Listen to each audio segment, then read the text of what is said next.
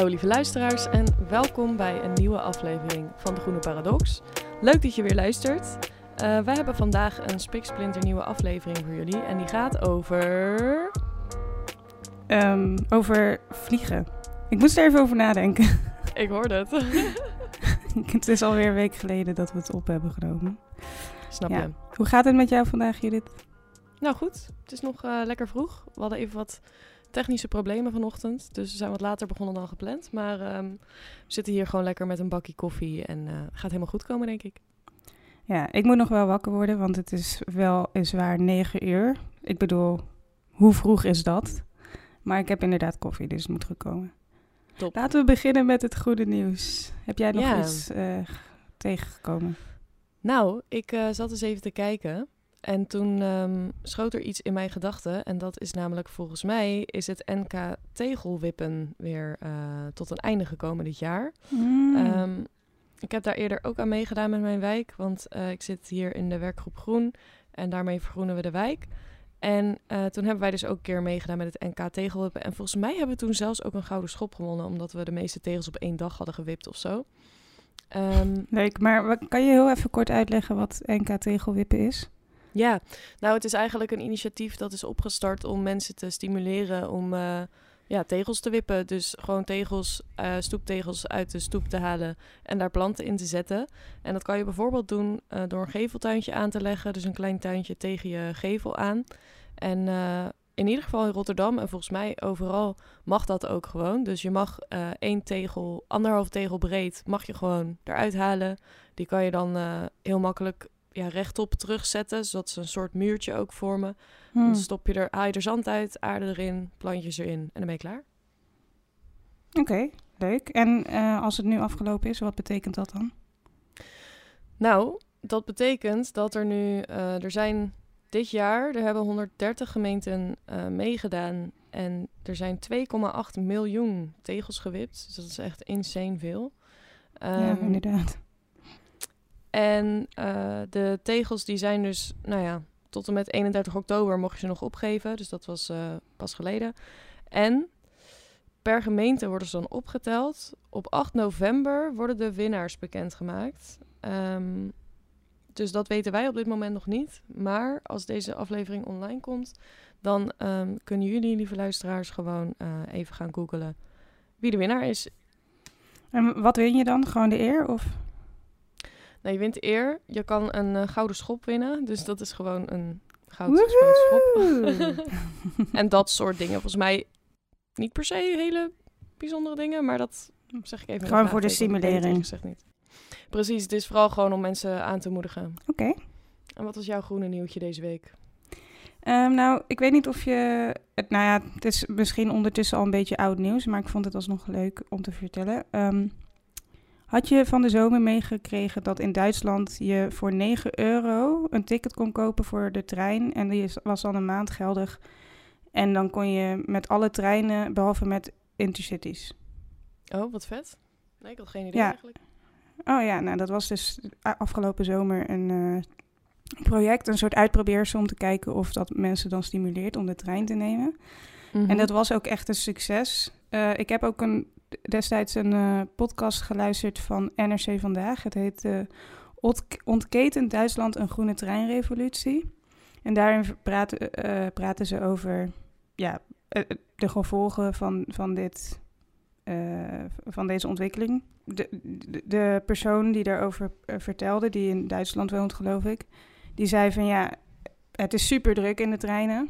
Dus dat was echt heel vet, want mensen, ja, het, het, heeft echt gedrag veranderd. Ja, het werkte. Aan de andere kant was er volgens hem wel toen overlast. Veel, vaak waren treinen gewoon te vol en dan miste je je trein omdat je er mm -hmm. niet meer bij kon. Maar ik ben er dus, uh, ik heb dus gehoord dat ze vanaf 2023 waarschijnlijk een abonnement gaan inzetten in Duitsland voor 49 euro per maand. Wat alsnog mm -hmm. super weinig is, want daarmee kan je door een super groot land, door heel Duitsland, met de trein reizen. Behalve dus met intercities. Maar in ieder geval, ja, dat, dat opent gewoon voor heel veel mensen en families uh, heel veel deuren, denk ik. Om meer met want, de trein te reizen. Heb jij enig idee uh, hoe duur onbeperkt reizen bijvoorbeeld bij de NS is voor een maand? Ja, echt 300 euro geloof ik. Of nog wel meer. Echt? Ja. Nee, ben je Ja, serieus? ja. Onbeperkt Nee, reizen, ja zeker.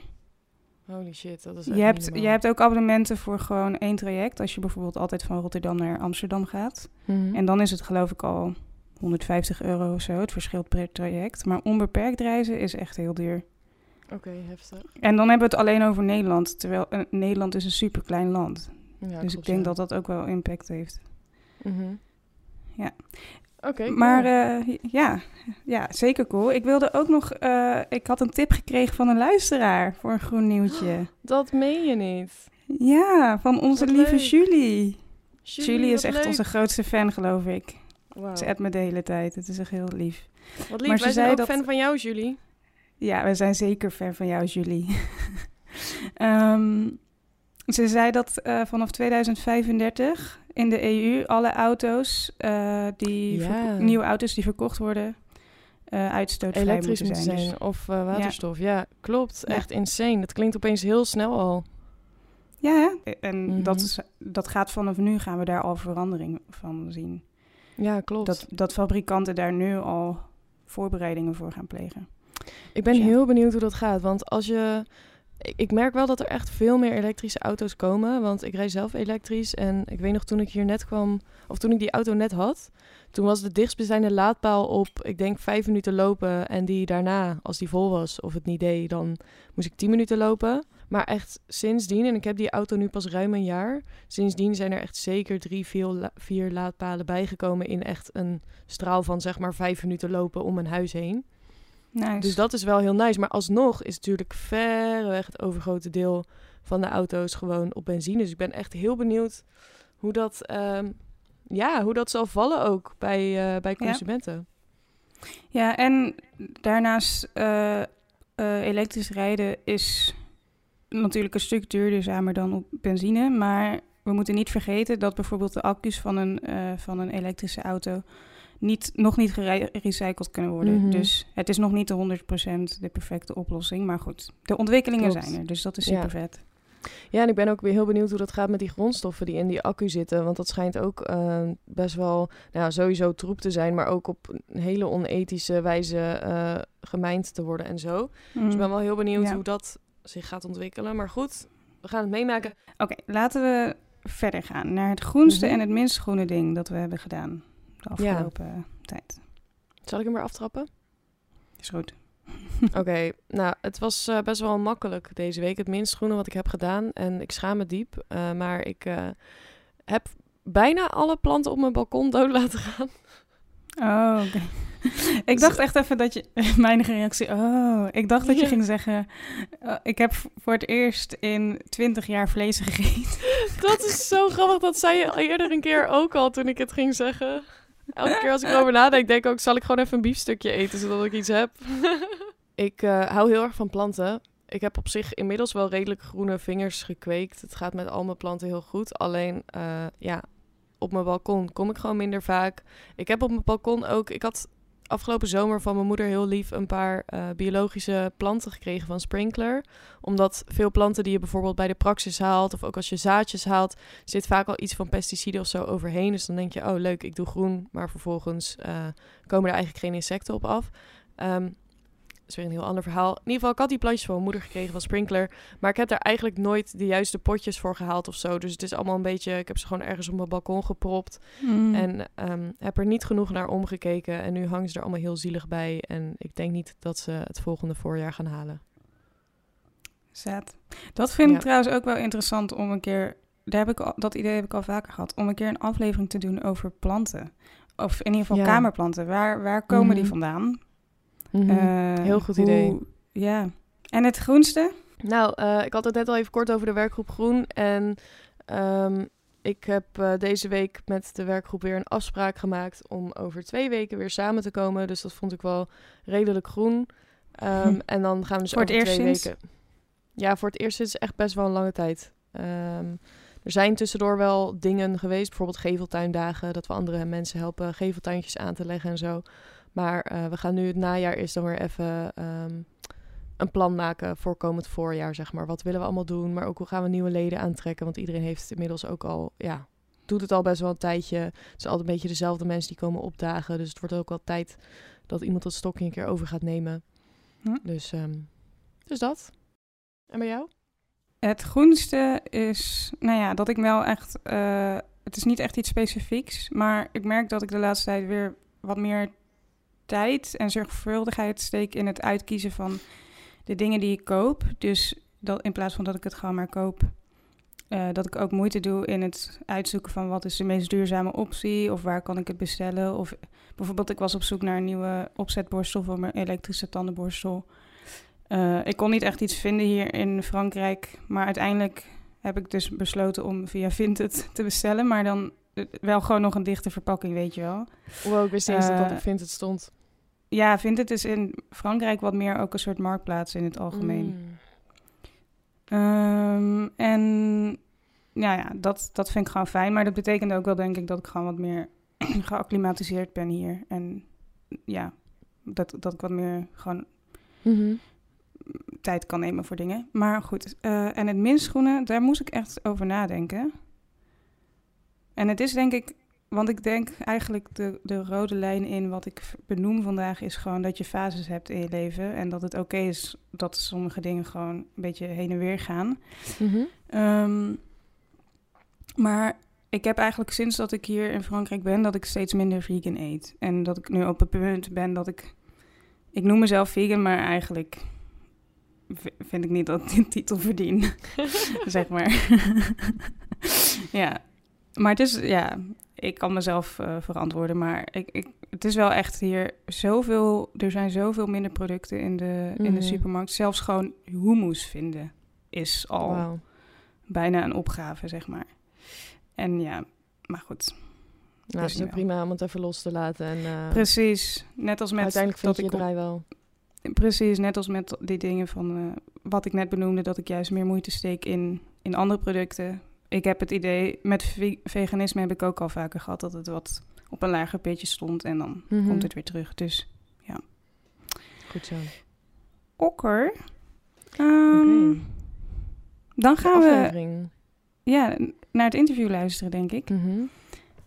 We hadden deze keer een beetje een ja, planningsfoutje, Crisis. crisis.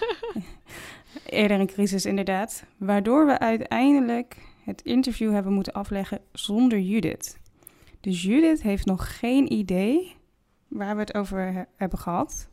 Spannend. Eh, behalve dan dat het over vliegen ging. En ongeveer de vragen die ik heb gesteld, die hebben we wel samen bedacht. Oké, je weet een beetje waar we het over hebben gehad. Eh, maar Judith gaat dus nu ook voor het eerst samen met jullie lieve luisteraars naar het interview luisteren. Eh, als eerste hebben we het vooral gehad over ja, wat, wat is de uitstoot eigenlijk van luchtvaart. Daarna hebben we het gehad over hoe de toekomst voor vliegen eruit ziet. En bijvoorbeeld eh, Jeff de Vries van Sky Energy was erbij. En hij heeft verteld over de duurzamere brandstoffen waar hij mee bezig is. Daar ben ik heel benieuwd En als. naar. Ja, ja, dat is super interessant.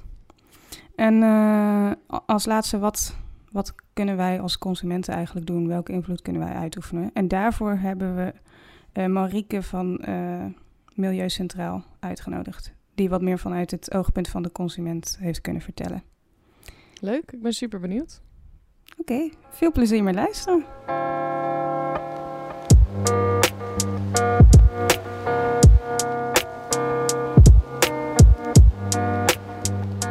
Oké, bedankt dat jullie hier zijn. Eh, we gaan het vandaag hebben over eigenlijk over de toekomst van vliegen en of er zoiets kan bestaan als duurzaam vliegen. Ik ben hier vandaag met Marieke Stolk van Milieu Centraal, waar ze zich bezighoudt met duurzame mobiliteit, toerisme en klimaat. En met Jeff de Vries van Sky Energy. Eh, Sky Energy is een bedrijf wat eh, duurzame brandstoffen verkoopt, maar ook de bewustmaking eh, ervan ver- verspreidt, als ik het goed vertel, toch? Ja hoor, dat kan je zo zeggen. Eh, even in het kort, eh Marieke, vanuit welk perspectief hou je je bezig met duurzame mobiliteit? Vanuit de overheid of de consument? Wij zijn een eh, onafhankelijke voorlichtingsorganisatie als Milieu Centraal. En wij geven voorlichting aan de consument. We zijn onafhankelijk van overheid, we zijn een stichting. En we helpen consumenten op weg in het maken van duurzame keuzes. Dus ook op het gebied van, van mobiliteit, dus vakantieverkeer, woon-werkverkeer, alles wat, wat je maar kunt bedenken bij mobiliteit.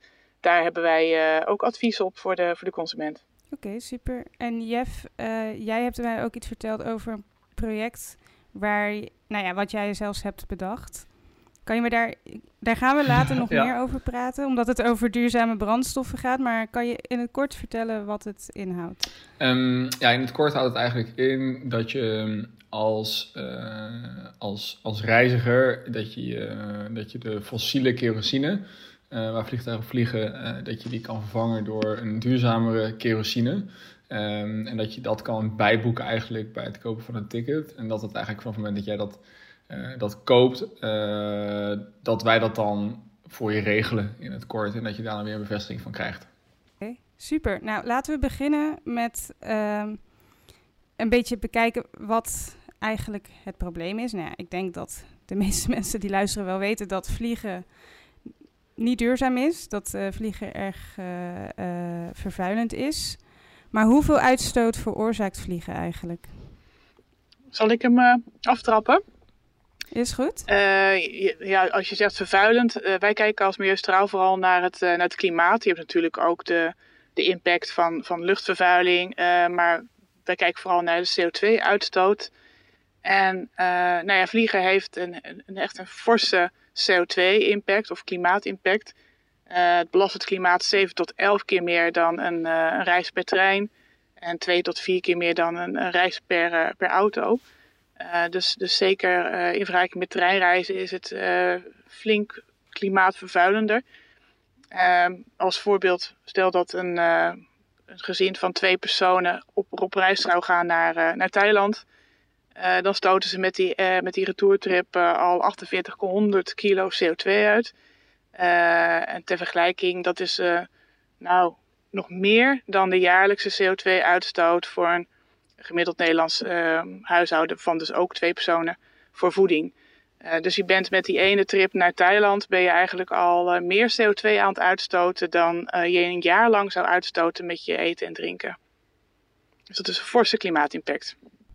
Ja, dat, en dat gaat dus per persoon, want je zegt... Ik heb het nu even op twee personen gedaan, omdat het, okay. de cijfers waar ik mee vergelijk uh, zijn ook op een gemiddeld huishouden. En die bestaat uit nou, 2,3 personen om precies te zijn. Maar ja, dat rond je dan af naar twee personen. Ja, precies. Ik, ik wilde het ook graag hebben over bijvoorbeeld een boot. Want zelf, uh, mijn moeder is Grieks en vroeger gingen wij altijd met de auto naar Italië en dan vanaf Italië met de boot naar Griekenland. Mm -hmm. En Griekenland is ook best wel ver weg. Hè? Dus ik denk best wel vaak, oké, okay, ik ga niet meer vliegen, maar ja. ik wil mijn familie graag zien. En Griekenland, ja, als ik dat met de auto zou doen, dan ben je wel echt, dan ben je echt even onderweg.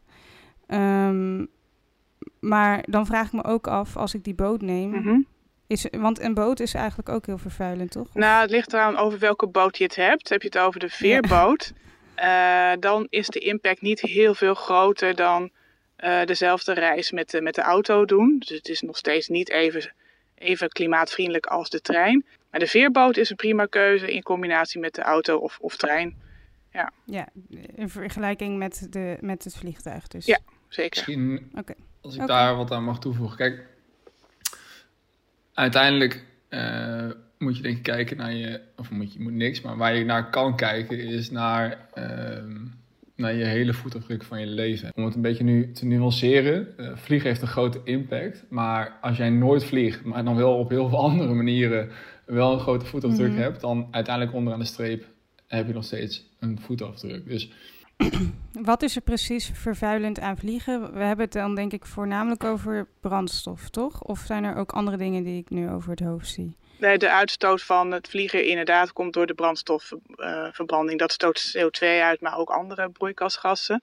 Misschien nog aan, aan Marieke toevoegen. Je hebt naast verbranding van, je, van je brandstof, heb je ook nog de productie en het transport van brandstof. Ja, het, ja, ja. Dus dat heb je dan ook nog erbij zitten. Dus eigenlijk, er gebeurt nog meer uh, op de grond, of er gebeurt ook wat op de grond uh, en in de lucht. Wat voor ontwikkelingen zijn er, uh, zijn er in omloop als het gaat om het verduurzamen van vliegen? Kan, kan vliegen duurzaam worden? Zal ik die uh, proberen ja. een eerste ja, steek na te doen? Um, uiteindelijk, kijk, wanneer is het duurzaam? Als we dat misschien eerst even definiëren. Als we, Precies, als we met z'n allen onder de anderhalve graad opwarming blijven, dan is dat misschien duurzaam. Hè? Als we dat zo definiëren. Um, en in die zin moet je dan vliegen daar moet je wat aan doen, want steeds meer mensen krijgen toegang tot vliegen. Steeds meer mensen over de wereld uh, de, uh, hebben meer te besteden. Steeds meer mensen willen vliegen. Uh, er zijn over op de wereld landen waar, waar, waar, grote landen waar steeds meer mensen die toegang krijgen. Dus uiteindelijk de vraag naar vliegen zal toenemen en daarmee ook de uitstoot van vliegen. Dus als je nu kijkt relatief gezien is vliegen nog relatief klein ten opzichte van de globale CO2-uitstoot. En dan heb het over een paar procent. Maar waar de rest van heel veel activiteiten in de wereld, zoals uh, bijvoorbeeld autorijden, waar daar sprake is van elektrificatie, uh, zie je dat dat bij vliegen nog veel lastiger is. Dus als we zo doorgaan met z'n allen en het blijft maar groeien, dan zal vliegen een veel groter aandeel in de toekomst hebben van onze hele CO2-uitstoot en dat het nu doet. Dan heb je het misschien over 10, 20 procent. Dus uiteindelijk duurzaam vliegen, uh, in die zin, je kan duurzamer vliegen, denk ik. Uh, en het beste wat je misschien vandaag de dag kan doen, het klinkt heel simpel het is echt een open deur, maar is gewoon minder vliegen. Uh, mm. En ik bedoel, daar kunnen we nu vandaag de dag met z'n allen weer starten. En je ziet ook al na COVID dat, je, dat steeds meer bedrijven, wij doen het zelf ook, we zijn er zelf steeds veel meer bewust van. Ook uh, voor, voor, voor lange trips uh, kan je ook online meeten. Je hoeft niet meer, je hoeft niet meer voor elke meeting te gaan vliegen of te gaan reizen überhaupt. Je kan gewoon online meeten. dus uiteindelijk, um, het gaat denk ik veel meer om duurzamer reizen. Hè? Duurzamer leven in, in zijn algemeenheid. Ehm, maar er zijn wel mogelijkheden als je dan toch vliegt. Ehm, om het even to, to the point te beantwoorden als je dan toch vliegt, dan kan je kijken naar van oké, hoe vlieg ik dan? Hè? Vlieg ik dan met een directe vlucht of stap ik drie keer over? Um, vlieg ik dan heel licht, hè? dus vlieg ik met weinig bagage? Vlieg ik economy class in plaats van business of first class? En, uh, want dat houdt namelijk in dat uiteindelijk als iedereen business class vliegt, dan kunnen er minder mensen, passen er minder mensen in de vliegtuig, want die plekken zijn groter. Uh, dus ben je, uiteindelijk heb je meer CO2-uitstoot per persoon. En als je dan vliegt, dan kan je je brandstof vervangen door, uh, door duurzame kerosine. Op zijn Engels is dat Sustainable Aviation Fuel. Uh, ook wel SAF afgekort, om het even makkelijk te houden. Alleen dat is een heel nieuw iets. Dat is nog heel klein. Dat heb je het over minder dan een procent wereldwijd van alle kerosine is SAF. Is duurzamer. we kunnen zo nog even praten over wat dat, wat dat precies is en waar het vandaan komt. Maar die transitie is wel ingezet. Dat, dat we dus uh, in plaats van fossiele olie afvalstoffen verwerken tot, uh, tot brandstof. En als je dan dus moet vliegen, dus als je al gekeken hebt van oké, moet ik echt vliegen, moet ik überhaupt reizen, heb ik nou al die andere knoppen heb ik daar al aan gedraaid. Ja, dan kan je kijken van oké, kan ik dan mijn brandstof vervangen door bijvoorbeeld door, door SAF. Ehm, maar daar zitten ook alweer uh, voor de consument of voor de reiziger weer haken en ogen aan. Want het is vrij duur nog, om het, uh, om het even zo te noemen. Dus voor de meeste mensen die, uh, ja, die op reis gaan, is het nog, uh, is het nog te duur in vergelijking tot, tot de ticket. Nou, in, in aanvulling daar nog op, want ik kan me wel vinden in de, in de punten van, van, van Jeff. is natuurlijk ook van hoe vaak ga je. dan kun je ook kijken naar, wil je toch heel graag die verre reis maken? Nou, misschien hoef je dat niet ieder jaar te doen, maar kun je het eens in de vijf jaar gaan, gaan doen, heb je ook iets om naartoe te, te leven. En dan niet voor uh, één weekje op en neer vliegen, maar echt voor een lange tijd uh, gaan, uh, op vakantie gaan. Dus dat je je reis echt gewoon optimaal benut. Ja, en binnen Europa, als je de keuze hebt, toch proberen of je ook kunt overstappen op de trein. En dat wordt wel steeds, het aanbod wordt steeds groter, ook in nachttreinen. En, uh, ja, en dan is het ook wel zo dat, dat, dat de reis meteen eigenlijk ook begint op het moment dat je op het station staat. En ook avontuurlijker dan vliegen over het algemeen. Dus dan is de, mhm. de reis al een soort beleving, vakantiebeleving. Mm En tot slot, ja, ook, wij zeggen als Milieu Centraal, het, uh, natuurlijk komt de technologische ontwikkelingen komen eraan die in de toekomst vliegen wat duurzamer gaan maken. Maar het, het enige wat verschil maakt nu is nu minder vliegen. En dat kun je ook inderdaad niet gaan uitstellen als je de klimaatverandering in een beetje binnen de perken wil, wil houden. Ja. Om even terug te gaan naar dat SAF, dus de tussen aanhalingstekens duurzamere kerosine. Wat is dat dan precies? Waar wordt dat van gemaakt? Ja, nou in het heel kort uh, is de kerosine gemaakt van een, van een afvalstroom. en dus dat houdt in dat je eigenlijk um, in plaats van nieuwe olie uit de grond pompt, dat je dat laat zitten waar het zit. En dat je eigenlijk alleen maar dingen gebruikt die al boven de grond aanwezig zijn. En dus recycle je eigenlijk wat je hebt. Uh, en daarmee is het ten opzichte van, uh, van nieuwe olie uit de grond pompen, kan het duurzamer zijn. Hè? Dat is ook belangrijk om het woordje kan het te gebruiken, want je kan heel veel afvalstoffen of tussen aanhalingstekens afvalstromen uh, omzetten naar kerosine. Maar bijvoorbeeld als je het van uh, palmolie maakt, ja, dan zitten er vaak wel terecht uh, haak en oog aan. Hè? Want waar is, dat, mm -hmm. is, daar, is, de, is, daar, is, daar, is daar echt bos voor gekapt? Wat is daar gebeurd? Is, daar, is er naar andere ehm, grondstoffen verdrukt en dergelijke, waardoor, waardoor, waardoor mensen over moeten stappen naar niet duurzame grondstoffen? Nou, uiteindelijk is het belangrijk om je te beseffen dat je kan uh, SAF maken, dus duurzamere uh, kerosine. En dan heb je het echt over echte afvalstromen, bijvoorbeeld gebruikte vetten, die normaal gesproken dan weggegooid worden of verbrand worden, waar niks meer mee gedaan wordt. Nou, daar kan je uh, SAF van maken. Um, en dan ten opzichte van nieuwe olie kan je een CO2-reductie bereiken van, van soms wel 80% of hoger. Nou, dat is nog steeds wel CO2-uitstoot, want ook SAF stoot nog steeds CO2 uit. Het is nog steeds kerosine, er komt nog steeds CO2 uit het vliegtuig. Alleen die CO2 is eigenlijk uh, op, een, op, een hele korte levensduur is dat gerecycled. Zo moet je het eigenlijk zien. En daardoor is het duurzamer dan fossiele kerosine.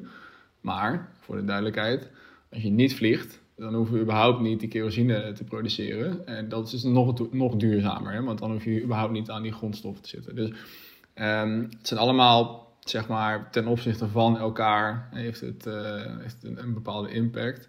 Um, ja, en, en dat kan je dan doen. En uiteindelijk, SAF, om misschien nog een klein dingetje aan toe te voegen, um, wordt zelf ook steeds duurzamer doordat we steeds de techniek verbeteren. Dus wat je misschien wel eens gehoord hebt, is dat er ook wel eens uh, over CO2 afvangen uit de lucht wordt gesproken. Nou, dat is bijvoorbeeld een hele nieuwe techniek uh, waarmee we ook bezig zijn. En daar en daar moet je zien, ja, dan haal je echt de CO2 uit de lucht. En daar voeg je dan weer bepaalde componenten aan toe. En daar maak je dan uiteindelijk dan weer, weer brandstof van. Nou, dan hoef je überhaupt hmm. niet meer uh, te doen aan uh, het verzamelen van vetten en dergelijke. Want natuurlijk qua logistiek een heel, uh, ja, laten we zeggen, kost veel moeite om dat overal te gaan verzamelen.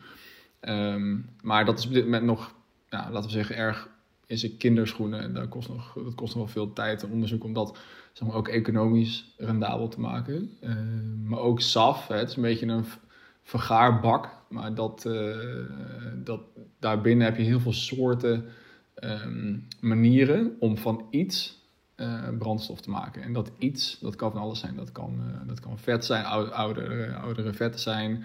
Dat, kan, dat kunnen bepaalde gassen zijn die je afvangt. Dat kan landbouwafval zijn, dat kan ja, bosbouwafval zijn, dat kan van alles en nog wat zijn. Ehm, en je moet altijd goed kijken van wat is het, waar komt het vandaan en wat voor effect heeft het nou echt op de, op de CO2-uitstoot. Want ja, het kan dus ook negatieve effecten hebben als je niet goed weet waar het vandaan komt en waar je het, waar je het van maakt. Mhm. Zoals bijvoorbeeld bij, bij palmolie. Ja. ja. Nou, en daarnaast heb je natuurlijk ook nog de, de trend van het elektrische vliegen. Ja, precies. Uh, daar heb ik pas nog een video over gezien, dus daar wilde ik ook nog over beginnen. Ja.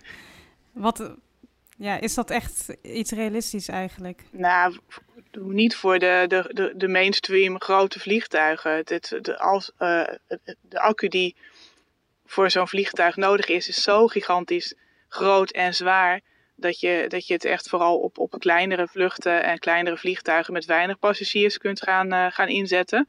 Ehm, Mhm. Maar het zal niet iets zijn voor eh, nou ja, de, de, de grote jets die naar, eh, naar verre bestemmingen eh, afvliegen. Dat, daar, eh, tenminste, dat, dat zie ik niet gebeuren. Dus ook eerder iets op waterstof eh, zien gebeuren dan, eh, dan op elektrificering van het, van vliegen. Daar, daar zijn die accu's gewoon veel te, veel te zwaar voor om, om echt grote vliegtuigen te laten vliegen.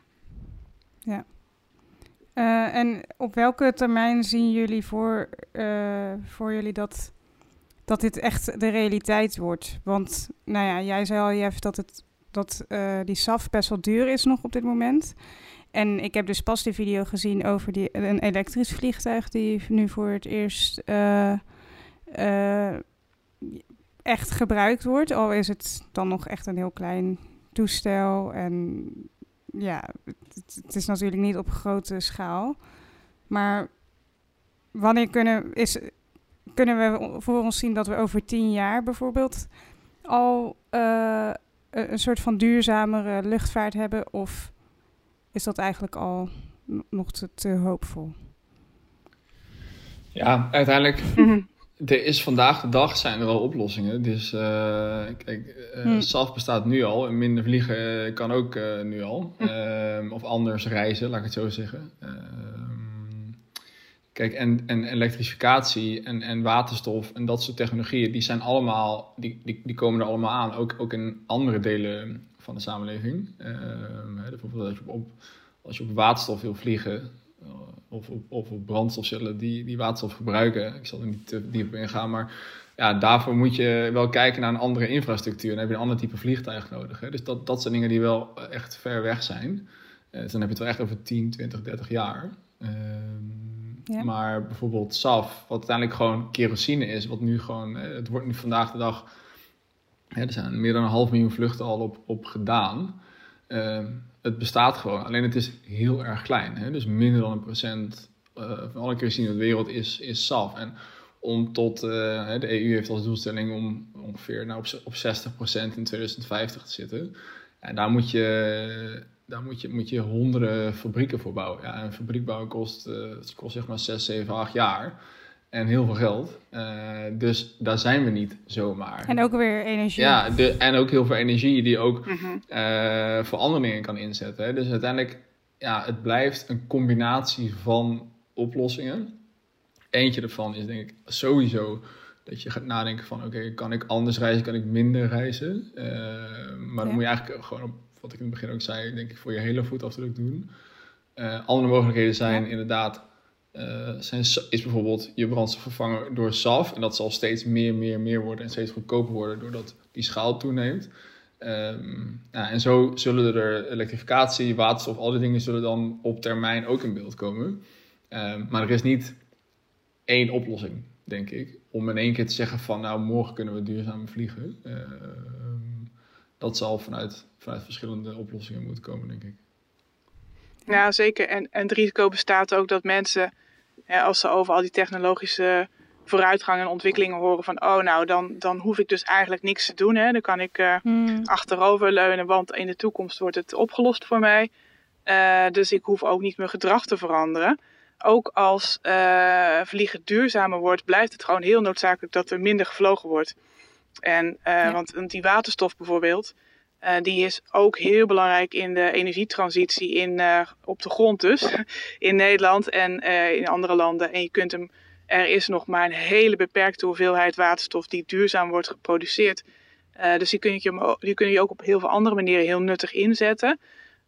Dus het belangrijkste blijft gewoon de vraag moet gewoon kleiner worden. Dus de, er moeten gewoon andere keuzes gemaakt worden inderdaad door, door mensen eh, in hun reisgedrag. Ehm, en wij kijken als Milieustraal toch ook wel. Ik denk niet dat je het alleen maar van het gedrag van mensen kunt laten afhangen. Dat is ook niet realistisch om te verwachten dat dat, dat alleen maar uit, ehm, uit de mensen Mhm. zelf komt. Dus wij kijken ook wel naar overheid voor ja, gewoon meer aansturing op andere vervoerskeuzes. Ik denk niet dat je dit alleen maar bij de, bij de mensen zelf kunt neerleggen. Ja, misschien nog één ding op toe te voegen. Ehm, kijk, uiteindelijk is het ieders eigen verantwoordelijkheid en onze gezamenlijke verantwoordelijkheid. En waar leg je die verantwoordelijkheid precies neer, dat is vaak wel een vraag. Maar uiteindelijk denk ik ook dat iedereen zelf verantwoordelijk is. En kijk, je, je, moet niks. Je moet maar heel weinig dingen. Maar je, uiteindelijk denk ik ook niet dat het helpt als je mensen zegt: jij zult niet 1, 2, 3. Hè? Jij zult geen dit niet doen, dat niet doen. Mensen gaan daar over het algemeen niet heel goed op als je ze dingen verbiedt. Ehm, maar als je mensen uitlegt wat het effect is en wat aan de hand is en wat het effect is van jouw gedrag en van, jou, van de keuze die jij maakt, dan kan iedereen zelf, iedereen zelf de verantwoordelijkheid, denk ik, om daar iets mee te doen. En datzelfde geldt ook voor vliegen. Hè? Dus als jij wel 20 keer per jaar het vliegtuig pakt, ja, dan heeft dat een gevolg en heeft dat een effect. Nou, als je daar ten eerste bewust van wordt, ja, dan is het aan jou om daar iets mee te doen. Dus een heel groot stuk zit ook in bewustzijn en in bewustwording creëren van wat is hier allemaal gaan. En ik denk dat in de bigger picture, dat klimaatverandering zo'n ontastbaar iets is voor veel mensen nog. En dat ze niet goed begrijpen wat het nou is. Want het is ook heel complex. Uh, ik, tenminste, ik vind het zelf ook uh, nog steeds complex en ik hou me er al, al een paar jaar mee bezig. Ehm, maar als je begint bij alleen al uit te leggen dat, uh, dat dingen CO2-uitstoot hebben en het gewoon simpel te houden met eh, dat, is een, dat is iets wat leidt tot iets uh, wat we met z'n allen over 30 jaar tot, tot zien dat het tot problemen zal leiden. Um, als je het in, in, zeg maar, in Jip en Janneke taal uitlegt, dan bij heel veel mensen gaat er denk ik dan automatisch al een lampje branden van, oh ja, nou dan kan ik misschien beter een keer een andere keuze maken. Dus lang val kort. Bewustzijn en bewustwording creëren is een heel groot stuk uh, van de puzzel, denk ik. Ja. En in plaats van zeggen dat, mensen dingen moeten doen, want dat, ja, uh, dat werkt denk ik over het algemeen juist averechts. Ja. Nou, ik vond dit wel een mooi bruggetje inderdaad naar het volgende onderwerp. Want we hebben het wel inderdaad heel mooi over, oké, hoe gaat het, de, toekomst eruit zien. Maar wat kunnen we inderdaad nu zelf doen? En vooral voor de luisteraars, de mensen die aan het luisteren zijn. Wat kunnen wij doen? Um, ik heb afgelopen zomer een artikel gelezen van NRC, geloof ik. Wat ging over. Uh, volgens mij was het centrale onderwerp de nieuwe nachttreinen in Europa. En of dat echt een alternatief is voor korte vluchten. Uh, en één ding wat me vooral heel erg opviel daarin, ik ga even kijken of ik de quote kan vinden. Die heb ik denk ik wel ergens staan. Um, los van de discussies over de vergunningen van Schiphol, dreigt volgens het Centraal Planbureau het gevaar dat Schiphol, waar de capaciteit beperkt is, de afname van het aantal korte vluchten zal opvullen met vluchten over langere afstanden. Per, dus dat betekent eigenlijk uh, volgens mij is het zo dat in Nederland in ieder geval uh, Schiphol een bepaald aantal vluchten heeft. En of we nou minder gaan vliegen, minder korte vluchten gaan maken, dan wordt het wel weer opgevuld mhm. met andere lange vluchten. Ja. Dus ja, in hoeverre kunnen wij als consument nou eigenlijk echt iets doen? Ja, ja dat is dus ook waar ik op doelde, een beetje uit uh, dat, er, dat er ook wel echt meer ingrijpen vanuit overheid nodig is. Mm uh, wij zijn ook niet voor opleggen van uh, of bieden van vliegen richting consument vanuit de overheid. Maar je ziet nu best wel veel uh, processen waar, de overheid best wel wat meer zou kunnen op, op zou kunnen sturen. Waardoor dit soort rare, kromme ja, processen eigenlijk kunnen worden tegengehouden. Want het is inderdaad totaal niet stimulerend als je weet van nou ik ga de korte vlucht niet nemen komt het slot vrij, ja. uh, komt er een lange vlucht in plaats daarvan uh, op, uh, op de, ja, te staan. Dus dan heb ik helemaal geen impact gecreëerd. Dus ik snap heel, heel goed dat het ontmoedigend is voor consumenten. En ik denk als je het aan het bedrijfsleven of aan de markt overlaat, dat het ook nooit opgelost wordt, zoiets. Dus dat, dat je op sommige vlakken daar wel meer sturing op nodig hebt. En ja, dan kijk je toch automatisch meer richting overheid. Hetzelfde geldt voor stimuleren van treinreizen ook, ook daar is, is meer ingrijpen en sturing nodig. Omdat, uh, omdat het gewoon een Europees proces is eigenlijk. Je hebt, uh, het is veel complexer om een treinticket te boeken. En dat kan eenvoudig worden opgelost als er gewoon meer uh, in wordt samengewerkt op, op, in, op Europees niveau. En dan heb je daar toch echt wel meer inzet vanuit de politiek voor, voor nodig. En inderdaad, gedrag uh, is heel moeilijk uh, te sturen en te veranderen. Maar als de alternatieven niet aantrekkelijk genoeg zijn, kun je ook niet uh, verwachten dat mensen gaan overstappen. Mm Want waarom is het eigenlijk zo op deze manier geregeld op dit moment? Dus met dit een, een bepaald aantal vluchten wat Schiphol kan uitvoeren. Waarom is het nog niet veranderd?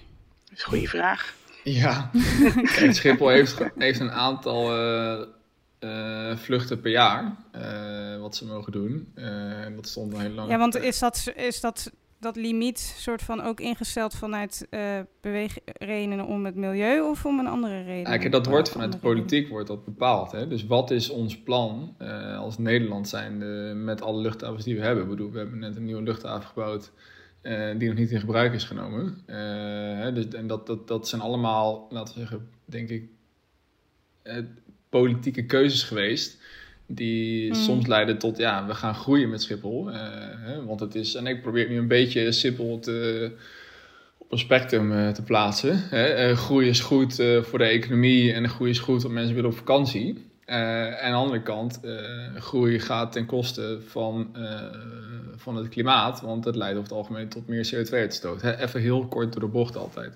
Ja. Dus, of kort door de bocht gezegd. Um, dus uiteindelijk nu zie je dat het plan is om, uh, om Schiphol te laten krimpen. Uh, maar wat betekent het dan? Hè? Waar, wat gebeurt er dan met die vliegreizen die we dan bij Schiphol minder... Hè? Dus alleen als je bij Schiphol 50.000 vluchten eraf haalt... Ja, gaan die dan naar Duitsland en België toe. Hè? Dus wat heeft het dan globaal voor impact? Hè? Dus het, het, is natuurlijk een netwerk. En als je ergens aan iets verandert, dan, dan verandert aan de andere kant misschien ook wel iets. Hè? Dus uiteindelijk denk ik dat wij met z'n allen uh, wel uh, zeker wel invloed hebben erop. Want als wij met z'n allen besluiten om minder te gaan vliegen of anders te gaan vliegen of meer de trein te pakken, ja, dan zou je dat uiteindelijk terugzien in de vraag naar vluchten die Schiphol in een jaar moet faciliteren.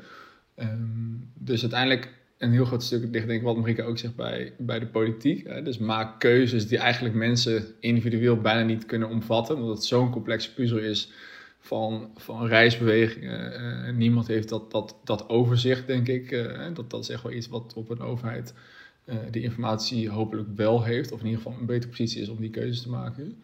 Um, ja, en, en deel ligt bij ons. Dat zijn, dat zijn individuele keuzes door middel van welke, welke vraag hebben wij. Dus als wij minder vragen hebben, dan zal er wel uiteindelijk minder aanbod komen. En um, als we ook kijken naar de alternatieven, uh, we hebben het gehad over de trein en de auto. Zelf, want ik uh, woon dus nu in Frankrijk. Ik ben hierheen gegaan met de Flixbus destijds.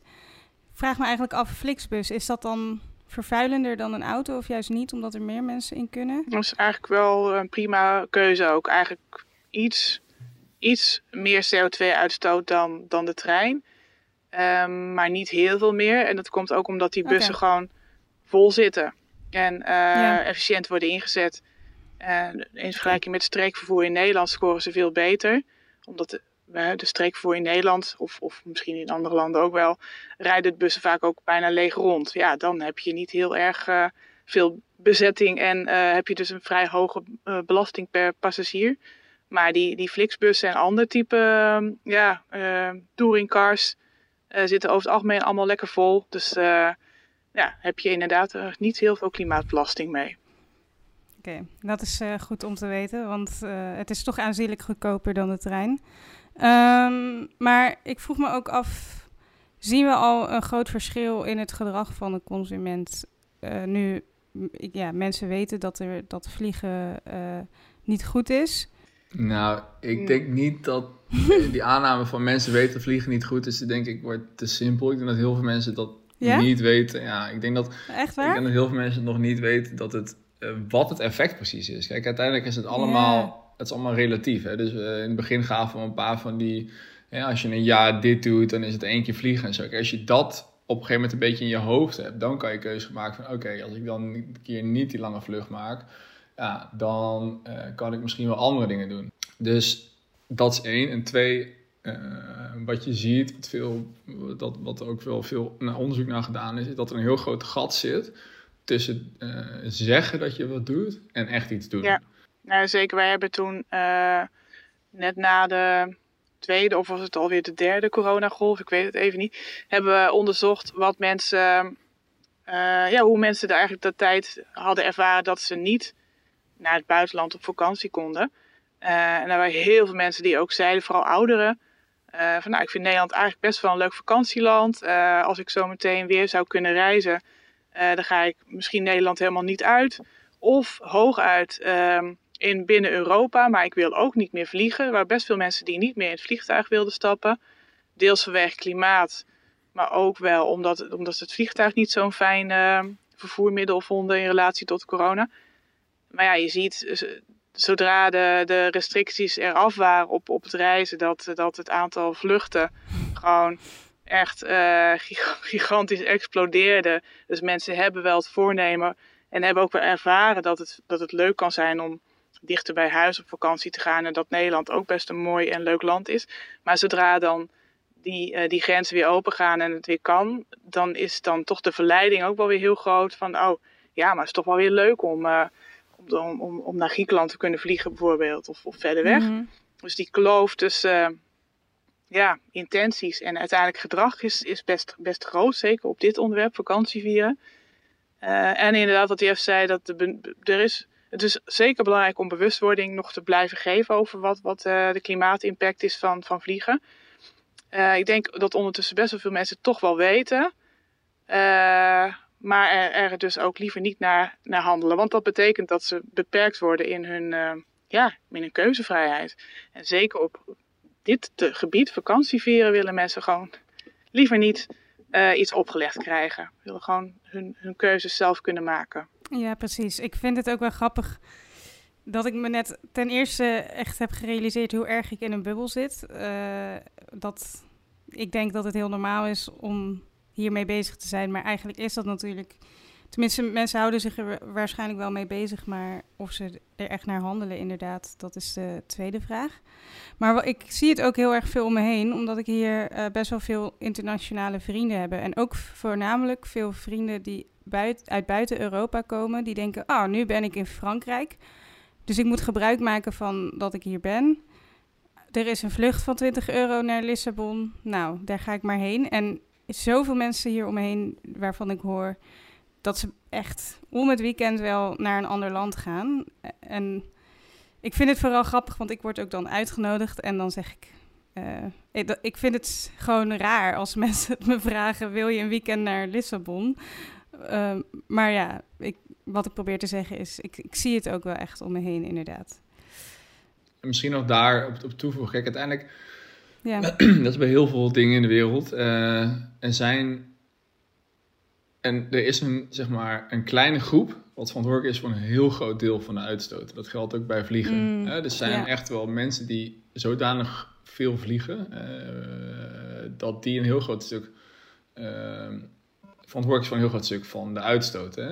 Um, en dat geldt bij heel veel dingen. Je hebt um, uh, zeg maar die 80-20 regel, uh, die geldt ook, ook ja. binnen vliegen. Dus uiteindelijk, wat je ook zou kunnen doen, is dat je zegt van, uh, um, dat je kijkt van hoe meer je iets doet, hoe hoger, hoe hoger de belasting wordt die je betaalt. Hè? Ik noem maar wat. Hè? Dus dat er een soort van bepaalde remmende maatregel komt. Mm -hmm op iets wat zeg maar belastend is. Hè? Dus bijvoorbeeld zoals vliegen. Dus als jij meer dan x keer vliegt, ja, dan wordt je ticket op een gegeven moment duurder. En, en hier zitten zeker, dit is een debat, hè? ik bedoel, hier moet je met z'n allen over nadenken. Maar als je het voor iedereen bijvoorbeeld duurder zou maken om te vliegen, ja, dan wordt het misschien weer een heel elitair iets. Hè? Dus dat alleen de mensen die een, die een dikke portemonnee hebben het dan nog kunnen doen. Terwijl als jij hard gewerkt hebt en je wil één keer per jaar op vakantie, ja, dan kan je ook, hè, dan is dat ook jouw jouw vrijheid om dat te kunnen doen, weet je wel. En als jij dan ook tien keer zoveel moet betalen voor een ticket, dan is dat misschien maatschappelijk gezien weer niet, weer niet eerlijk, om het zo maar te zeggen. Dus uiteindelijk, je kan ook nadenken van, oké, hoe kan ik goed bedrag belonen? En hoe kan ik gedrag wat, ik, wat, wat, wat we met z'n allen vinden, oké, dat, dat, dat, dat schaadt. Uh, hoe kan ik dat uh, afremmen? Ja, en een van de dingen is denk ik bij uh, dingen aanpakken die, die, die dat zeg maar het soort van laaghangende fruit en dat is denk ik bij bijvoorbeeld business class, eerste klas vliegen. Ja, dat zijn plekken die drie, vier keer zoveel ruimte nemen als een normale economy class. Ja, weet je, wat vinden we daarvan? waarom, waarom, waarom is dat nog nodig op, op, op die schaal? Nou, en zo kan je op heel veel dingen denk ik, identificeren en proberen om, zeg maar, ehm, ja, de, het, het frequente, grove gebruik om dat af te remmen, maar, maar dan wel rekening te houden met mensen die af en toe een keer het vliegtuig pakken. Dus als jij zegt van vrienden van mij pakken elke keer het vliegtuig naar Lissabon. Ja, dan kan je misschien denken, ja, oké, moeten we daar eens een keer wat aan gaan doen. Maar iemand die één keer per jaar naar Lissabon vliegt, ja, weet je, misschien kan je die dan ontzien. Hè? Om, ja, dus, het, dus, het, komt ook wel Precies. genuanceerd in, in wat, je, wat je doet. Ja, ik dacht dat er ook wel plannen voor waren in de maak. Maar het kan zijn dat, uh, dat ik dat zelf heb, uh, heb bedacht. Dat, dat ik daar plannen voor heb voorbij zien nou. Ja, je hebt natuurlijk uh, bijvoorbeeld een vliegtax hè, die volgend jaar ingaat. Dat is zeg maar veel simpel gezegd 25 euro per ticket. Maar dat is gewoon een, een vast bedrag op iedere ticket. Ja, dat, dat doet hm. dus nog niks aan frequentie. Nee, uit ons onderzoek bleek ook inderdaad dat er een hele kleine groep is, zo'n zo beetje 8% van de Nederlanders, die uh, ook uh, echt hele verre reizen maakt.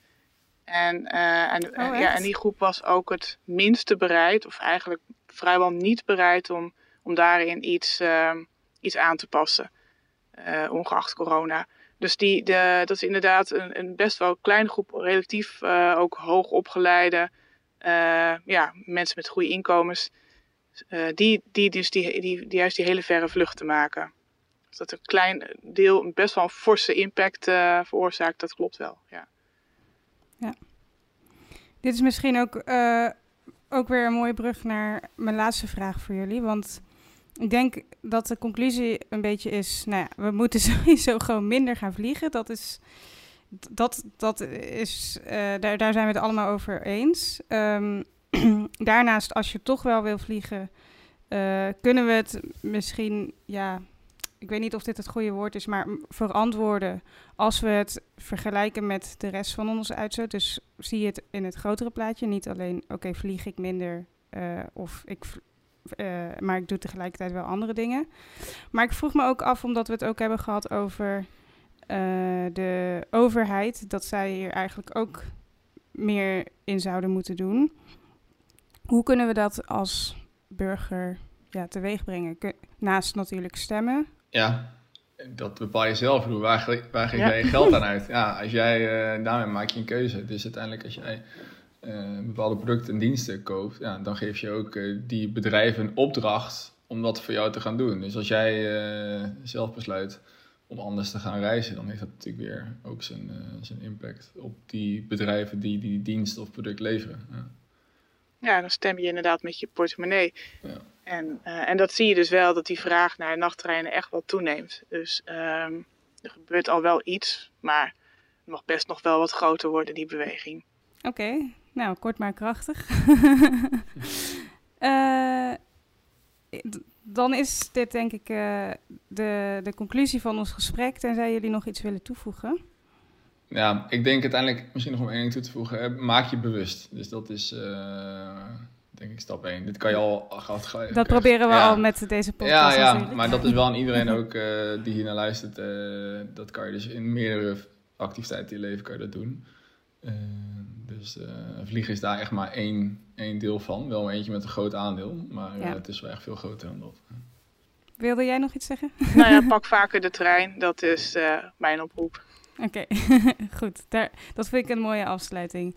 Heel erg bedankt dat jullie uh, mee wilden doen. Graag gedaan. Graag gedaan.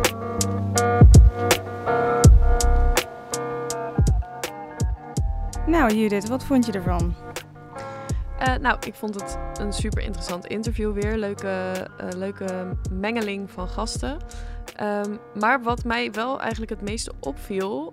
en wat ik ook een beetje teleurstellend vond was dat, ja, onze hoofdvraag was, um, bestaat duurzaam vliegen? En wat mij betreft, als ik dit zo luister, dan is het antwoord denk ik eigenlijk nee. Omdat zelfs uh, een optie zoals um, op duurzame kerosine vliegen, wat dus eigenlijk herbruikt of ja, opnieuw gebruikte olie is. Dat is de meest mhm. duurzame optie voor vliegen op dit moment. Dat wordt al weinig gebruikt. Maar ten tweede stoot je daar natuurlijk nog steeds evenveel CO2 mee uit. Dus uh, ja, ik vond het een beetje jammer. Ik had gehoopt dat er zeg maar iets nog een duurzamere optie voor vliegen zou zijn. Ja, maar ik denk op zich is er ook wel een nog duurzamere optie, namelijk het elektrisch vliegen. Dus het is niet alsof de hoop helemaal weg is, maar ik denk wel dat we er als mensheid inderdaad gewoon ons erbij moeten neerleggen dat in, dit, in deze hoeveelheid vliegen dat, dat, we, dat we nu doen, gewoon nooit te duurzaam gaat zijn. Nee, precies. Inderdaad, want voor elektriciteit heb je dus ook onwijs veel eh, energie nodig. Dat moet je allemaal groen op kunnen wekken. Terwijl we hebben dat al zoveel nodig, ook gewoon op het land. Hetzelfde wat uh, Marieke zei over waterstof. Er wordt ook nog maar heel weinig duurzaam uh, gewonnen. Maar goed, Ja. met andere dingen is het natuurlijk ook zo, heb je, heb je iets echt nodig? Uh, Dat Mhm. is sowieso de keuze die je moet, zelf moet stellen, denk ik. Ja, zeker weten. Ik vond het ook echt wel ja. ja, pittig om dan te horen dat dus heel veel medestudenten van jou gewoon om het weekend ergens naartoe vliegen. Dan denk ik echt, mijn god, dat zijn ook nog mensen die aan de universiteit studeren. Weet je, je zou slim moeten zijn van, ja, kun je dan niet... Maar ze zijn wel allemaal heel jong, hè?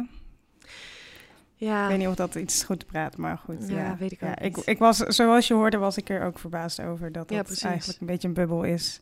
Ja. ja. Oké, nou laten we het over iets leukers gaan hebben.